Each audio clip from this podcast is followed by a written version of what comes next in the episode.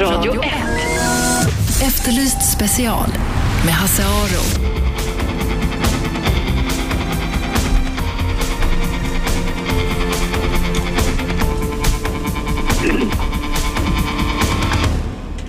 Välkomna hit Efterlyst special. Lyssnar ni på Radio 101,9 i Stockholm eller på nätet eller om ni har en smart telefon så ni kan ladda hem vårt program. Eh, allt tyder på att det verkligen var Marina Johanssons kropp som hittades i Stenungsund i helgen. Jag vet inte om ni kommer ihåg det här fallet. Vi har haft det uppe några gånger för att det har eh, kantats av märkligheter.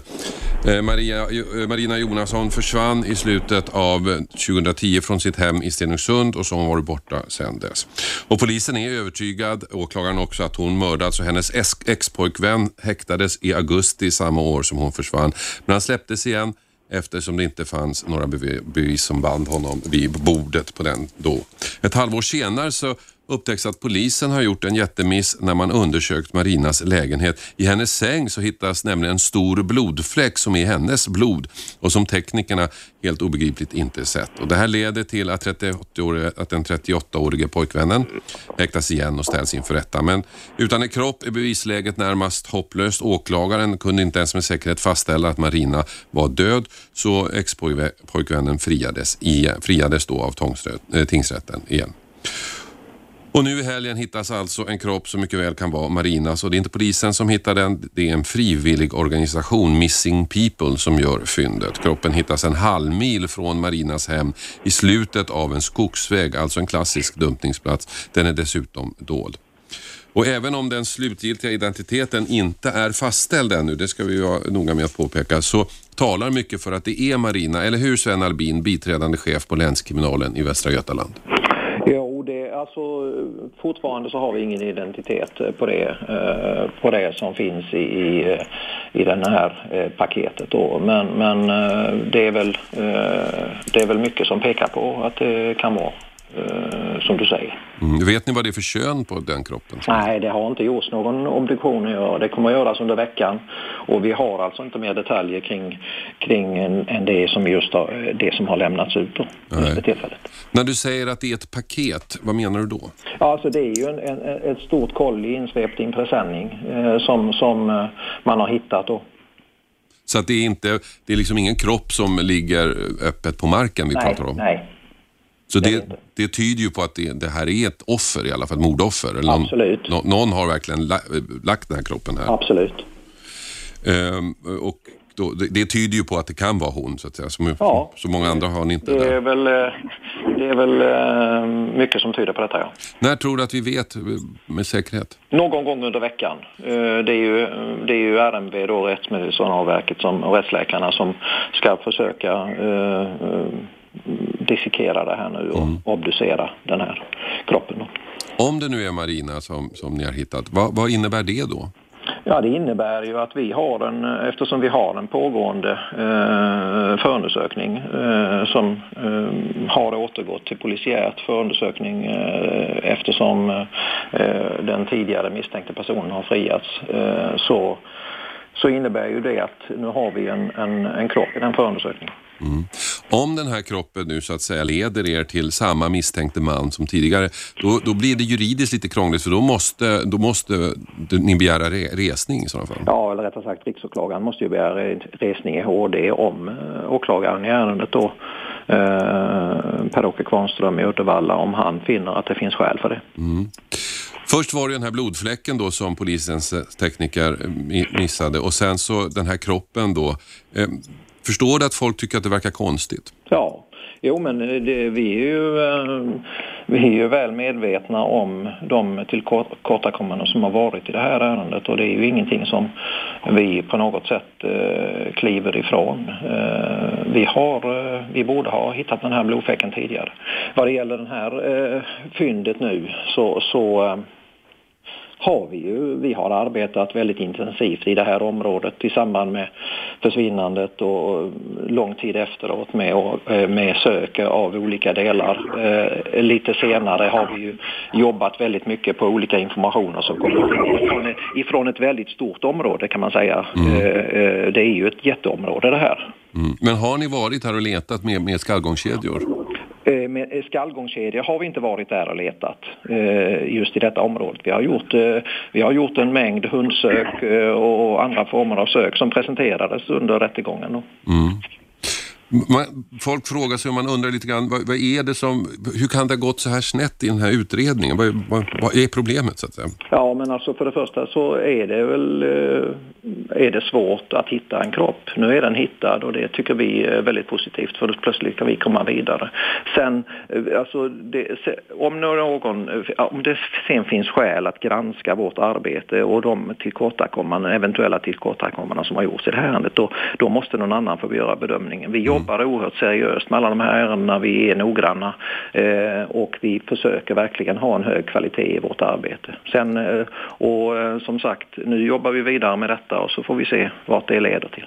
Men om man nu är, om man nu är ärlig här sen, att, att missa en sån här blodfläck, det är ju liksom, eh, det är, det är ju ett A på något sätt i handboken, att man, man inte gör det. Det måste ju på något sätt ändå leda till någon slags självkritik från er sida. Ja, men det är klart det gör och det har vi väl redan eh, tagit på oss att det var, det, det, var inte bra att vi gjorde det. Och, eh, men, men därifrån till att automatiskt koppla eh, det här fyndet till att detta också är ett misstag från vår sida, det, det tycker jag är väl långsökt. Och det, det, vi är oerhört eh, angelägna om att metodikmässigt utveckla oss och vårt arbete och bygga bort de svagheter vi kan ha. Mm. Och, och, det jobbar vi ständigt med. Och, och, vi jobbar ju med en mängd grova brott som du vet och, och det gör ju att vi, vi tar till oss och lär oss av våra misstag. Annars har ju polisen i Götaland, Västra Götaland, har ett gott rykte när det gäller att lösa brott. Ja, alltså vi, vi, vi försöker jobba på det viset att vi, vi har en, en stor uthållighet, vi har en, en, en bra kvalitet i det vi gör normalt mm. En, en kvar Sven, för det var alltså inte polisen som hittade kroppen i Stenungsund i helgen utan en fri, frivillig organisation, Missing People. Peder Killeström, du var insatsledare för den här sökningen. Kan du berätta hur det gick till? Ja, vi hade ju eh, ett gäng frivilliga som anslöt sig till den här skallgången, det var ett hundratal. De delade vi upp i patruller och skickade ut på de vägarna som vi hade valt ut att undersöka extra noga. Mm. Och hur, hur kommer det sig att ni överhuvudtaget engagerar er i det här?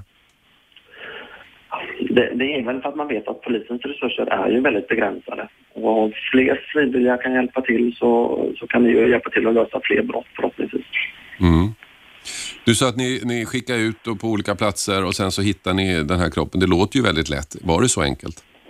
Ja, ja vi har gjort ett enormt förarbete detta. Vi har jobbat tre personer under ett par månaders tid med att granska eh, olika teorier eh, kring eh, försvinnandet. Eller var Marina överhuvudtaget eh, försvann. Mm. Eller gömts. Eh, såg, det, du, såg du själv kroppen? Ja, jag var ju själv på plats och eh, tog del av fyndplatsen och eh, det paketet om man vill benämna det så. Mm. Kan du beskriva hur det såg ut? Ja, det, det, var ju ett stort paket inslaget i eh, någonting vitt, antagligen plast eller presenning. Det var svårt att bedöma det på plats. Det låg väldigt väl gömt. Mm. Um, den eh, patrullledaren som var med den patrullen som stötte på fyndet Eh, hade ju petat med en pinne tydligen och fått upp ett hål där och såg att det här var ett eh, högaktuellt fynd. Var det svårt att se den här paketet? Ja, det var det. Det var faktiskt nära att eh, det här fyndet missades av sökpatrullen just för att det var göm, så väl gömt under granarna. Men det, det, var deras uppgift också att se till så att eh, det undersöktes väl även under eh, allt möjligt granris som man kunde finna på. Mm, du, du använder ordet gömt. Var, är det, var det den uppfattningen ni fick, att det här, det här var gömt? Det var väl gömt, ja. Aktivt gömt? Ja. Vad är Missing People för något? Ja, vi är en nystartad ideell organisation som nu har varit igång i tre månader. Eh, vi ska äntligen vara ute på skallgångar för att kunna rädda liv och eh, det, var, det var främsta uppgift att eh, på ett snabbt sätt få ihop resurser till att hitta folk som förvirrat sig i terrängen. Mm. Men varför engagerar ni er i sånt? Det, det finns så många sätt man kan, man kan engagera sig i olika verksamheter och jag känner att det fanns väldigt mycket tid och väldigt mycket engagemang hos eh, några människor och det tog vi tillvara på. Eh, för att hjälpa anhöriga när de inte kommer någon vart mm. i sin egna sak. Vad gör ni mer än, än, än just fysiska skallgångskedjor? Finns det på några andra sätt som ni försöker hitta försvunna? Nej, utan vi sätter oss och går igenom de anmälningarna vi får in och bedömer därifrån vilka det är som vi kan lägga resurser på. Vilka har möjlighet med den kompetens och, som vi har mm. och den ekonomiska tillgång som finns i föreningen. Eh, det var ett hundratal som ställde upp här. Eh, det låter ju som rätt mycket folk. Det är ganska mycket folk, men det var långt ifrån vad vårt mål var. Vi hade ju tre månader på oss att få upp folket och det hade ju som målsättning att få upp över tusen personer. Mm. Um, men om det nu är marinan ni hittat så måste man ju säga att det var ju, att det var en väldigt lyckad operation. Ja, det var det. Vi hade ju bara 11 högaktuella vägar att söka av och mm. eh, ja, det var de vi ville, ville stämma av som var möjliga att snabbt ta sig till ifrån bostaden. Mm. Sven, du beskriver det här fyndet som ett paket och vi får höra här att det också låg gömt i skogen. Det betyder ju att det, någon har ansträngt sig för att eh, dölja det här, vilket också öppnar upp för möjligheterna till nya spår om jag förstår det rätt. Ja, men visst är det så. Vi har ju haft, eh, vi har ju haft tekniker där hela helgen och, och eh, där vi hoppas i alla fall kunna säkra spår. Och, och bland annat är det ju, har vi ju möjlighet då att kanske hitta något ytterligare som kan ge eh, någonting värdefullt i utredningen. För en sak som, som, som är, ganska typiskt det är om något fingeravtryck eller DNA eller någonting från en person finns på tejpet eller på, på det som behövs för att göra det här paketet. Då är det en ganska tydlig koppling, eller hur? Ja, det, det, är mycket möjligt. Eh, som sagt, jag eh, avstår från att spekulera utan vi, vi håller oss till fakta här och nu har vi, eh, nu har vi en, en förmodad kropp inslagen i, i och gömd på en, på en plats inte långt ifrån Marinas bostad och utifrån den faktan går vi vidare sen när vi vet mer i detalj. Mm. Peder, vad blir ni, er, ert nästa uppdrag, er nästa åtgärd nu då, när ni har genomfört det här? Jag har ju ett par andra försvinnanden som vi kommer fortsätta jobba med nu i det här fallet. Mm. För vår del så anser vi att söket efter Marina har avslutat, men det får ju polisen bekräfta inom ett par dagar. Mm. Hur väljer ni ut då vilka fall ni ska engagera er i? Vi bedömer att det finns en sannolikhet för oss att, eh, att med hjälp av frivilliga kunna finna personer i, i natur. Det är lite svårare om det blir vatten inblandat. Vi är inte så utvecklade ännu på dyksök. Mm. Okej, okay, tack så mycket för att eh, vi fick ringa upp er två, Sven Albin från eh, Länskriminalen i Västra Götaland och Peder Killerström från frivilligorganisationen Missing People som alltså i helgen hittade en kropp i eh, Västra Götaland där, i Stenungsund som mycket väl kan vara kroppen efter Marina Johansson för, som försvann i slutet av juli 2010 från sitt hem i Stenungsund. Hon har varit borta sedan dess. Polisen är övertygad om att hon mördats och hennes e- expojkvän häktades då samma år som hon försvann men släpptes för det fanns inga bevis. Sen upptäckte polisen att man har gjort en jättemiss när man undersökt Marinas lägenhet. Man hade inte sett att en, en stor blodpöl fanns i hennes säng av hennes blod. Det här gjorde att eh, expojkvännen häktades igen och åtalades, ställdes inför rätta, men gick fri därför utan kropp så kunde åklagaren ju inte ens bevisa att Marina faktiskt var död. Nu har eh, det ser det ut som om kroppen har hittats och det är alltså inte polisen som har hittat kroppen utan det är en frivillig organisation, uh, Missing People, som bestämde sig för att gå ut och leta och hittade kroppen.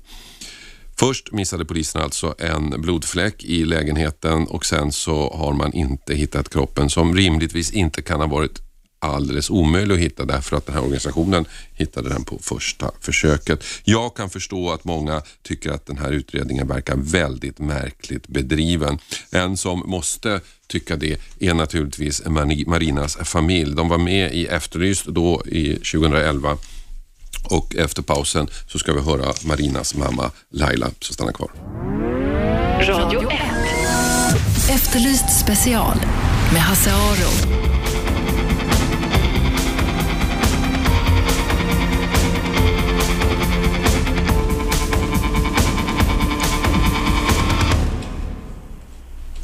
Välkomna hit till Efterlyst special på eh, Radio 1, 101,9 i Stockholm. Efterlyst special där vi pratar om Marina Johansson som försvann i Stenungsund 2010. Eh, Marina som var 31 år när hon försvann, eh, eh, hon hälsade på sina föräldrar den 27 juli och sedan dess har ingen sett henne. Polisen är övertygade om att hon mördats och hennes expojkvän som hon hade gjort slut med då han häktades i augusti samma år men släpptes igen eftersom det inte fanns någonting som band honom vid något eventuellt mord eller försvinnande. Ett halvår senare så upptäcks en jättemiss som polisen gjort. Nämligen när man undersökte Marinas lägenhet så hade man inte sett en stor blodfläck i hennes säng. En fläck av hennes blod. Det här är helt otroligt att man kunde missa det. Det ledde till att eh, 38-åringen eh, greps igen, eh, häktades, ställdes inför rätta men friades av tingsrätten eftersom åklagaren inte med det bevisläge han hade utan att ha hittat en kropp. Åklagaren eh, hade ingen, kunde inte ens visa att Marina faktiskt var död.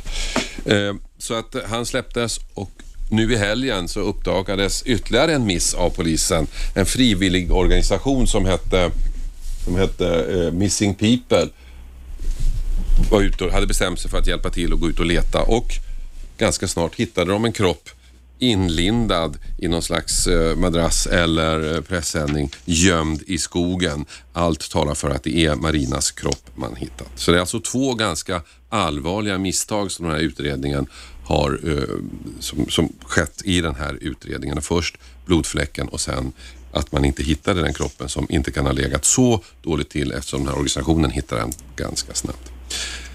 Laila Johansson, du är mamma till Marina. Hur, hur känner du idag när, när, efter, efter fyndet i helgen? Ja, det känns ju underbart. Mm. Det gör det. det man, kan, man kan inte tro det är sant. Nej. När du säger att det känns underbart så är det ja. för att du menar att ni kan få ett slut på det ja, här? Ja, just precis. Det, det, det, det, hänger på. Mm. Att man får ett avslut.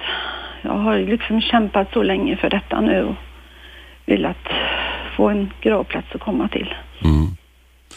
Det har ju gått nästan två år. Du tror inte att Marina lever? Nej, men det, det förstod jag med en gång. Hon skulle aldrig gjort så med oss. Hon skulle aldrig, familjen var det viktigaste i världen för henne. Så hon skulle aldrig lämnat oss utan att ge ett besked var hon tog vägen. Så mm. detta, det, det, har jag känt att det har varit fel hela tiden. Eh, han greps ju, hennes expojkvän, då ganska omedelbart efter eh, försvinnandet ja. och släpptes igen. Och sen var det rättegång där han släpptes igen. Det var liksom två gånger som han, han försvann ut ur utredningen. Hur kände du inför det? Jag tyckte det var så solklart att det var han som hade gjort det.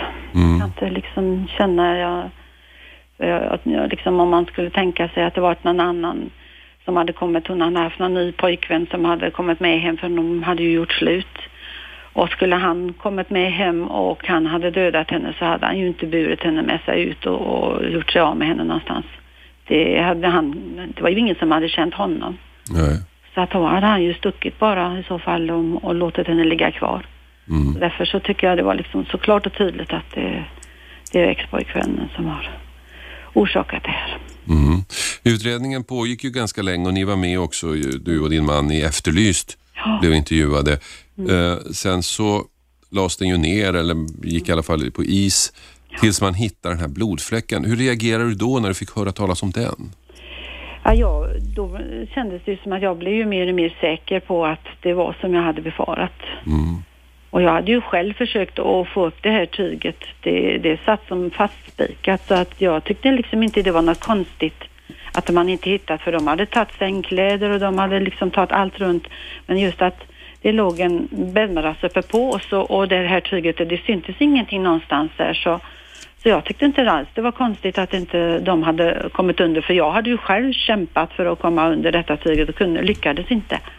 Så du, du, har förståelse för att polisen missade ja. det här? Ja, ja. För att jag, det var så konstigt. Alltså det satt så stenhårt som spikat i madrassen, i, i sängbotten om man säger. Det var helt omöjligt men den andra tjejen som flyttade in då hon, hon fick under fingrarna och hon var stark till tusen så hon mm. lyckades att rycka upp det. Mm. Att, för att hon ville ju också ha bort det. Jag ville också ha bort det. Det var därför eh, som jag liksom tyckte att det skulle inte hänga där, det tyget. Det, var ett överkast från början. Mm. som, de hade, som var hopsytt i kamouflage eh, tyg var det och eh, så att det jag hade väl han tryckt ner emellan så det skulle inget synas då. Det finns ju många som är kritiska mot polisen och tycker att det var klantigt, man borde ha hittat det här, men du håller inte riktigt med? Nej, jag tycker inte det, det var väldigt svårt. Och jag, mm. jag, jag, jag, kan förstå dem, för de var så noggranna och de gick runt med sina tops och de kollade liksom överallt väldigt, väldigt, väldigt mycket. De la ner många timmar mm. där inne, så att jag tyckte inte det var konstigt, för jag, jag undrade det var så fint i huset när jag kom dit och jag tänkte att det, det här kan ju inte liksom, varför har de varit inne i sängkammaren och rivit i sängkläderna var det första jag tänkte. Mm. För det, liksom, det var ju inga, ingenting som tydde på något.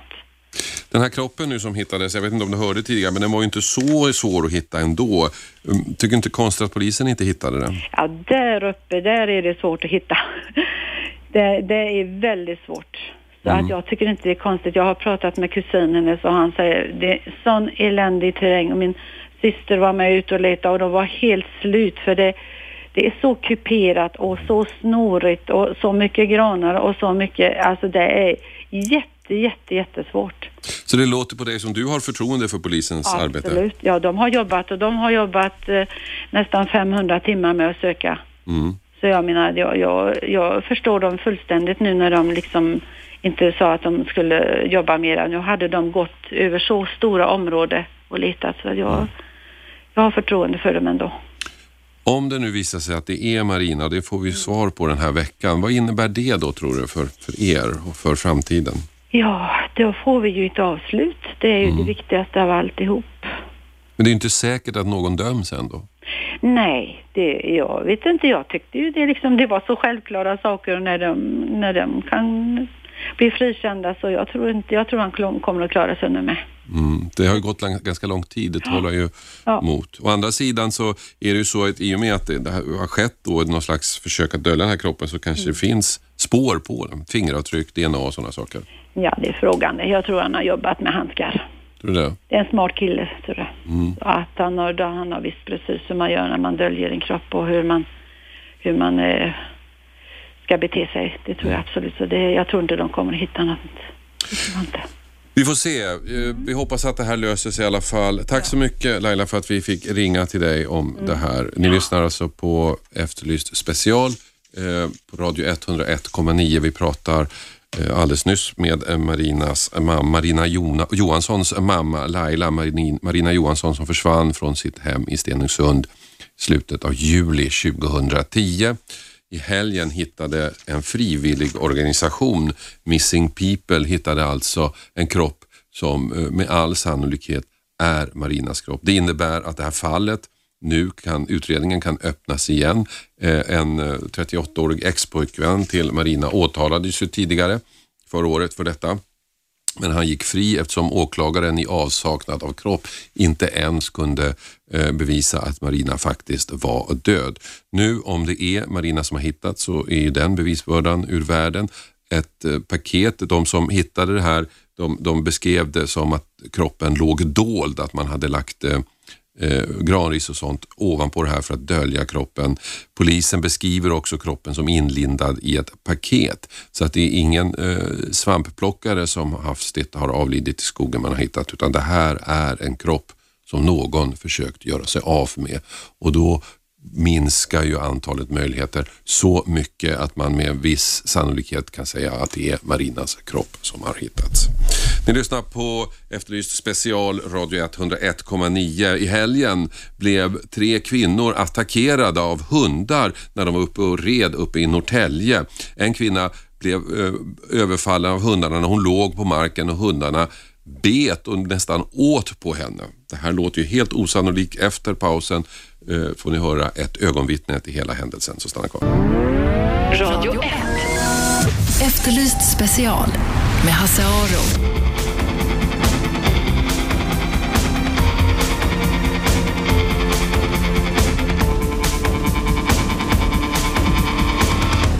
Välkomna tillbaka till Efterlyst special här på Radio 101,9. En mycket märklig och skrämmande hundattack inträffade i Norrtälje, eller norr om Norrtälje, i helgen. och en 28-årig kvinna eh, vårdas på Karolinska för svåra skador, bland annat i ansiktet efter att hon attackerats av hundar och hundarna formligen åt på henne när hon låg på marken. Eh, kvinnorna var ute och red, tre stycken kvinnor i olika åldrar, eh, när de blev attackerade av två stycken hundar av eh, rasen Alaskan Malmute. Det är hundar som man skulle kunna beskriva som polarhundar eller draghundar som man använder i polartrakter för att dra slädar. Alltså inga kamphundar eller hundar som på något sätt är kända för aggressivitet. De här eh, hundarna angrep alltså hästarna. Hästarna, om man förstått det hela rätt, gick i sken. Eh, två kvinnor ramlade av. Den ena eh, ramlade så eh, svårt, den 28-åriga kvinnan, att hon blev liggande på marken. Och då attackerades hon av hundarna som nafsade och åt och bet på henne i ansiktet och på halsen bland annat. Eh, hundarna verkade helt förblindade av det som hände. Jan-Erik Hägglund bor i närheten och såg vad som hände och grep in och det här är hans berättelse. Ja, vad vi såg, det var, eller var väl frugan som såg först för att hon satt ute på farstukvisten och, och drack kaffe. Och då eh, ropade hon in till mig, för jag var inne, och att det eh, sprang lite hästar på vägen. Så då gick jag ut och då...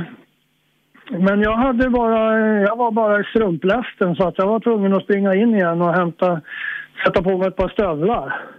Och då hörde vi att det var någonting som kved på vägen. Det var ingen som ropade eller någonting sånt där. Va? Utan, så då sprang jag dit och då fick jag syn på att det var en, en ryttarinna som låg på rygg i ett vattenfyllt dike där med två stora hundar över sig. Som eh, attackerade henne i ansiktet och i halsen och, och lite sånt där. Du såg att hundarna var på henne alltså? Ja, oh ja. De, de hade grepp i, i fejset på henne när, när jag kom fram där. Och då gjorde jag en riktig rusning mot hundarna för att skrämma dem ordentligt. Och då reagerade de så att säga, så, så då sprang de undan då. Och sen hade jag lite besvärligt att hålla undan dem för att de ville ju liksom attackera mig igen. Mm. Och två stora hundar på 50-60 kilo, det, då ville man ju liksom inte sticka fram fingrarna heller och, och ta tag i dem och försöka ta dem utan jag försökte bara hålla undan dem ifrån henne här. Och mm. Hon låg ju i diket där och var alldeles blöt. Så man försökte koncentrera sig på henne också. Mm. Och sen fick jag syn på att det var en annan kvinna som hade blivit avkastad längre ner på vägen. Men hon stod på benen i alla fall såg jag, så hon kom gående upp mot oss sen.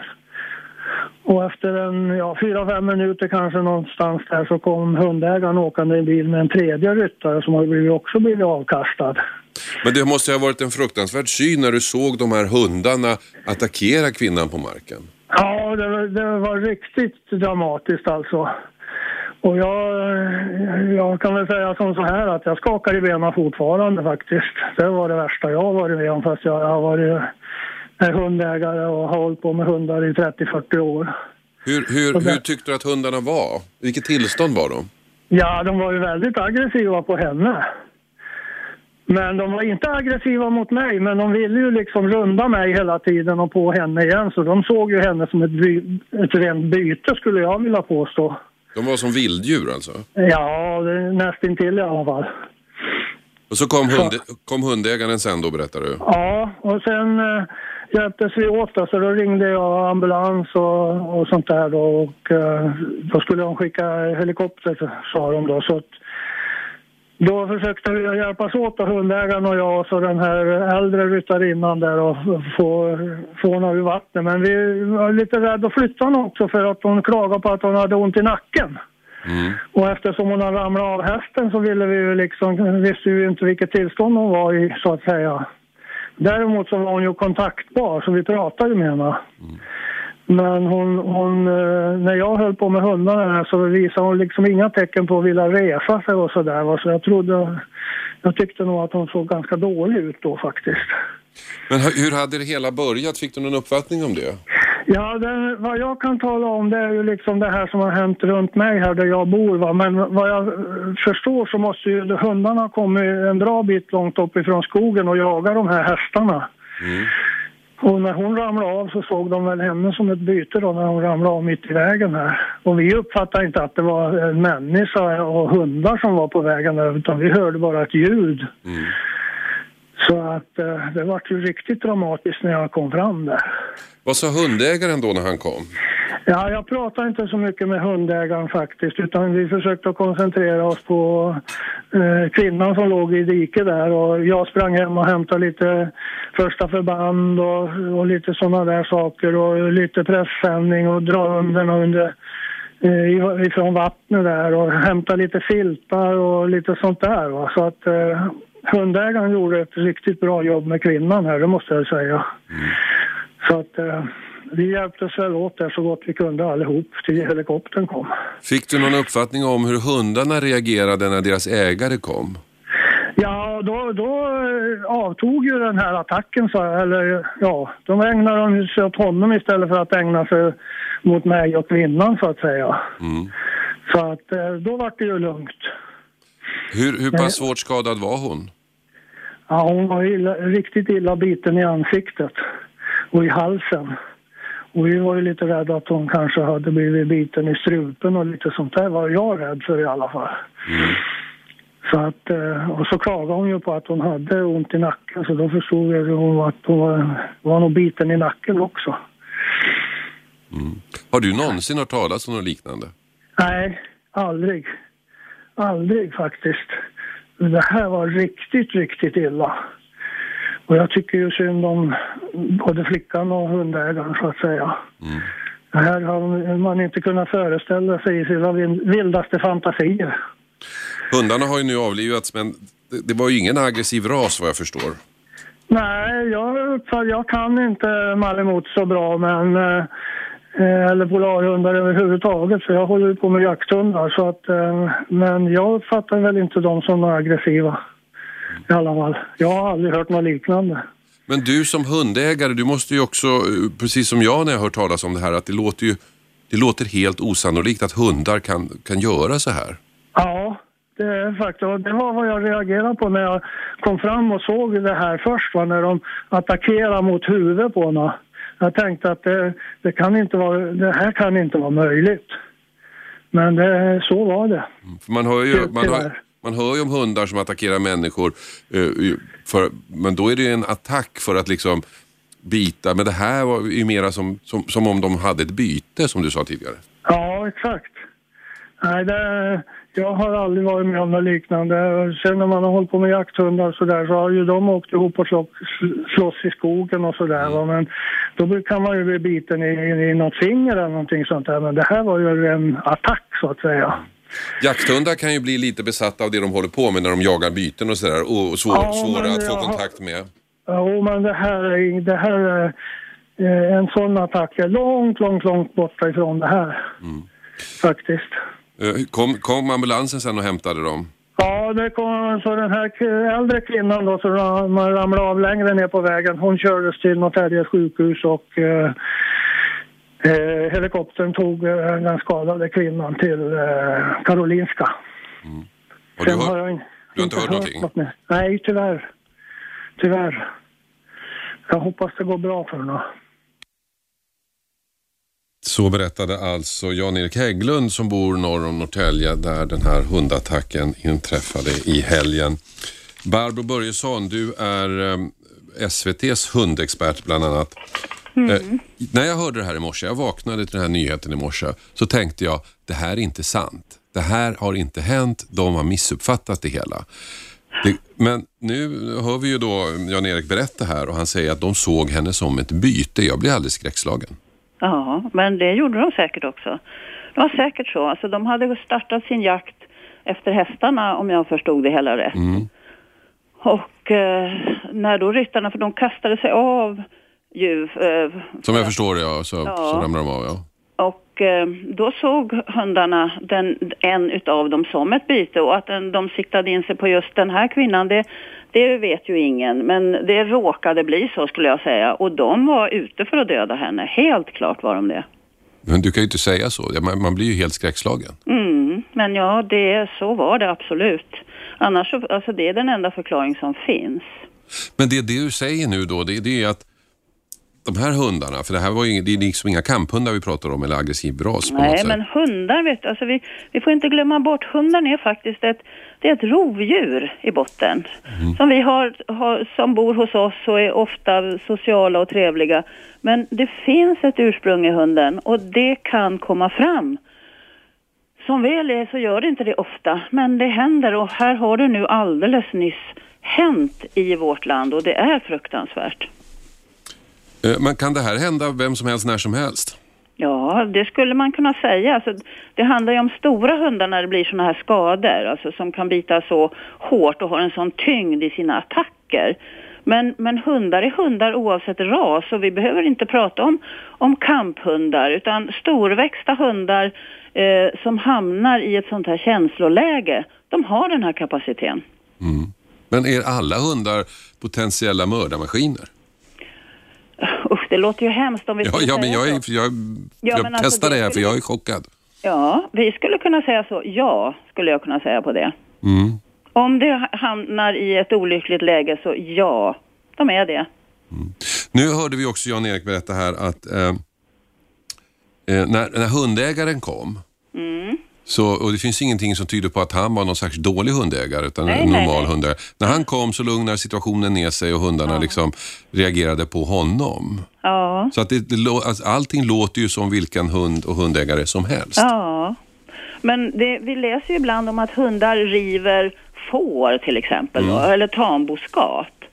Ehm, och det kan, det kan, ju- hunden gör ju det och, och orsaken är ju jaktlusten. Och om jaktlusten nu har eh, felriktats och eh, styrts mot människa så är funktionen hos hunden precis densamma. Barbro, stanna kvar. Vi ska ha reklam här, men vi ska fortsätta prata om det här efter reklamen.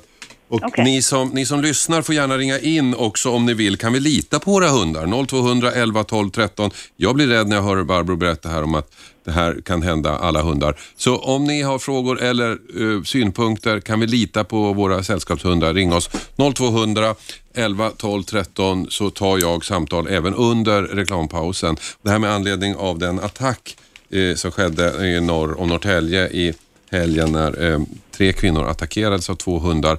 En blev attackerad medan hon låg ner i ett dike och hundarna gick lös på henne bland annat i ansiktet och eh, på kroppen. 0200 11 12 13, vi är strax tillbaka. Radio 1. Efterlyst special med Hasse Aro.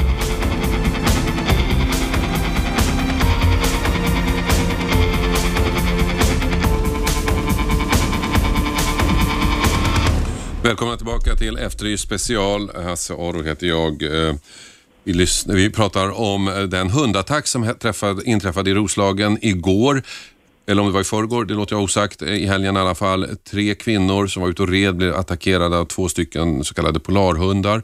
Eh, det ledde till att två av kvinnorna kastades av hästarna och hundarna kastade sig över en av kvinnorna som blev liggande, högg henne, bet henne och praktiskt taget åt på henne i ansiktet och i, eh, i, eh, på halsen. Och när jag hörde det här i morse så tänkte jag att det här, det här är inte sant. Det här har inte inträffat, någon har missuppfattat någonting.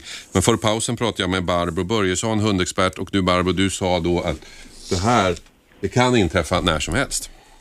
Ja, det skulle vi kunna säga, men det, det, det, lyckligtvis händer det ju inte ofta.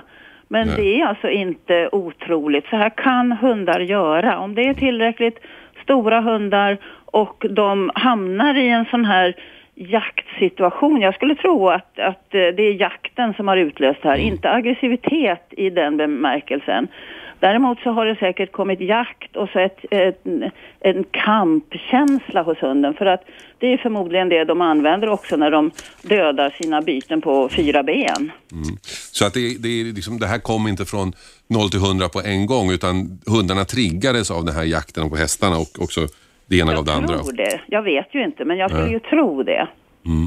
För att jakten, de hade ju jagat hästarna och nu har jag ju läst tidningen bara och om jag Mm. förstår så, så handlar det om en och en halv kilometer cirka. Eh, och det har ju säkerligen drivit upp deras, deras energi för att få tag på någonting. Och sen råkade det då bli den ryttare som ramlade av och som, som då hundarna riktade in sig på. Och hon blev liggande så kanske det var därför som de Ja, det tog kan just vara henne, därför. För att hon var Det kan absolut vara därför. Vi vet ju inte. Men du, ska man ha hundar? Jag jag blir ju tveksam när jag hör dig. Jag är ju alltid, jag är en hundmänniska. Jag har ju haft hund i stor del av mitt liv. Ja, jag jag samma sak och jag har ju också haft stora hundar tidigare hela livet. Nu har jag en liten hund och, eh, och jag skulle ju inte kunna tänka mig att leva utan hund. Så det är klart vi måste ha stora hundar också. Men vi måste veta, vi måste lära oss mer om hund. Eh, nu tror jag att det här var en väldig olyckshändelse. Annars så, så eh, för jag vill ju, inte, vill ju inte lasta hundägaren för det här. Nej. För det kan man ju inte göra. Nej, Men- det men- låter inte så faktiskt. Nej, men hundar måste vi ju. Vi måste ju eh, se att vi kan ha hundar här i, eh, i... Nu blir jag lite störd här. Ja, men Birgitta, vi ska, eller förlåt Barbro, vi ska höra vad, vad lyssnarna tycker. Eh, Kan man lita på hundar? Är ni rädd för, hund- blir ni rädd för hundar när ni hör det här? 0200 11 12 13. Birgitta, du har ringt. Hallå? Ja, Jag fick vänta så länge. ja jag Hej vet. på er allihopa. Hej. Birgitta heter jag, hundägare sedan 25 år tillbaka. Ja. Blir inte du rädd när du hör det här? Eh, det förvånar mig inte ett dugg, men jag har lite frågor att ställa angående det här. Eh, jag har ju haft sådana här små som bara tar små tuggor, va? Mm. Därför att jag anser att sådana där stora, nu bor jag mitt i stan dessutom, så det, det är liksom, jag tycker inte det funkar. Så fråga nummer ett är, varför ska man skaffa en polarhund när man bor i Norrtälje? Ja, men det här är utanför, Varför? det här är utanför Norrtälje, det här var på landet. Ja, Ja, men bara- fast det var inte i Ja, polarområdet. och inte bara en utan tre stycken. Ja. Har de inte koppeltvång där? Och varför eh, eh, blev liksom, eh, var, varför var ni inte med hundarna och hade pli på dem då så att han kunde ta stopp Mm. på anfallet? Utan de fick bara springa någon typ av vind för våg. Mm. Jag tycker det är skit alltså. Det är såna här grejer som ställer till för alla eh, hundägare som eh, uppför sig och... Men har du aldrig din hund lös? Nej men jag bor ju mitt i innerstan, vi får inte ha... Vi har Nej, men jag har också haft hund inne i stan Ja, och det, man har ju en lös ändå, det vet ju du också. Ja, min sista hund är 15 år gammal så han är så jävla blind så det går inte att ha han lös. Birgitta, tack för att du ringde. Vi ska höra vad Gun säger. Hallå? Eh, nu hörde inte jag vad du sa. Sa du Gun eller? Ja, Ja, okej. Hej. hej. Eh, ja, jag, jag är själv hundägare, Ja. men jag jobbar inte professionellt med hundar som Barbro gör. Nej. Men jag håller med Barbro i varenda ord hon har sagt. Eh, det här är ju också en ras, ska man komma ihåg, som är väldigt vänlig. Ja, eller hur? Ja, en väldigt vänligt sinnad ras. En väldigt lugn och fin ras. Ehm, och eh, det här kan hända vilken hund som helst. Eh, Barbro har alldeles rätt i det hon säger. Men när ni säger så, då blir jag rädd och tänker att jag ska inte ha hundar mer. Nej, du ska inte vara rädd Hasse, för att det händer oerhört sällan. Det kommer att hända igen, för hundar är precis som Barbro säger rovdjur. Mm. Och jag tycker att man kan ju spekulera väldigt mycket som förra, eh, den förra personen Birgitta, ja, pratade med. mm. Jag tycker jag var väldigt hård. Mm. Ehm, vi vet ju ingenting om dels den här personen, om han hade pli på sina hundar. Det handlar ju inte om det, utan det handlar om kanske ett ögonblick som han inte tittar på sina hundar. Där de får upp en, en jaktinstinkt som är väldigt stark. Och är det som Barbro sa att de har jagat de här hästarna i flera kilometer eller en och en halv kilometer så har de ett enormt driv. Och ofta så är det i sådana här situationer en ledande hund som i de flesta attacker. Mm. Det kan vara en hund som är lite instabil på något sätt och har en oerhört stark jakt. Det handlar säkerligen inte alls om aggressivitet överhuvudtaget om jag får spekulera.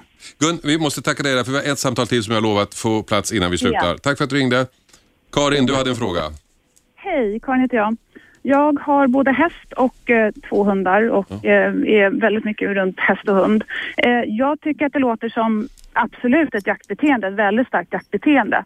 Men många, eller de flesta av våra hundar har vissa spärrar när hästen stannar, om en människa ramlar av. Alltså jag tycker att det låter väldigt intressant och väldigt trist och olyckligt beteende att hunden faktiskt attackerar en människa som ligger ner och går på så pass hårt. Helt klart jaktbeteende. Men vad jag är lite nyfiken på är om man vet att det här är renrasiga malamuts eller om det kan vara hybrider eller varginblandningar. Jag vet inte, det vet och ingen ingen av skugga över varg, absolut inte. Men det är ett så pass starkt jaktbeteende som Vad- jag tycker är intressant. Barbro, tror du att det kan ligga någonting i det, att det skulle vara någon slags eh, blandningar? Det behöver inte vara. Det behöver inte det. Alltså, eh, hunden kan hamna i en väldig stress i ett sånt här läge. Jag skulle, alltså enkelt uttryckt, den snedtänder och den vet inte vad den gör. Den blir rabiat helt enkelt. Okej, Barbro. Tack. Och Karin, Karin eh, min, min programtid är tyvärr slut. Jag undrar, jag, jag missbedömde intresset för denna fråga. Jag tror vi får fortsätta imorgon helt enkelt. Men nu, nu får man säga tacka er för att ni eh, var med och eh, så eh, får vi se om vi kan återuppta ämnet imorgon. 101,9 Radio 1. Sveriges nya pratradio.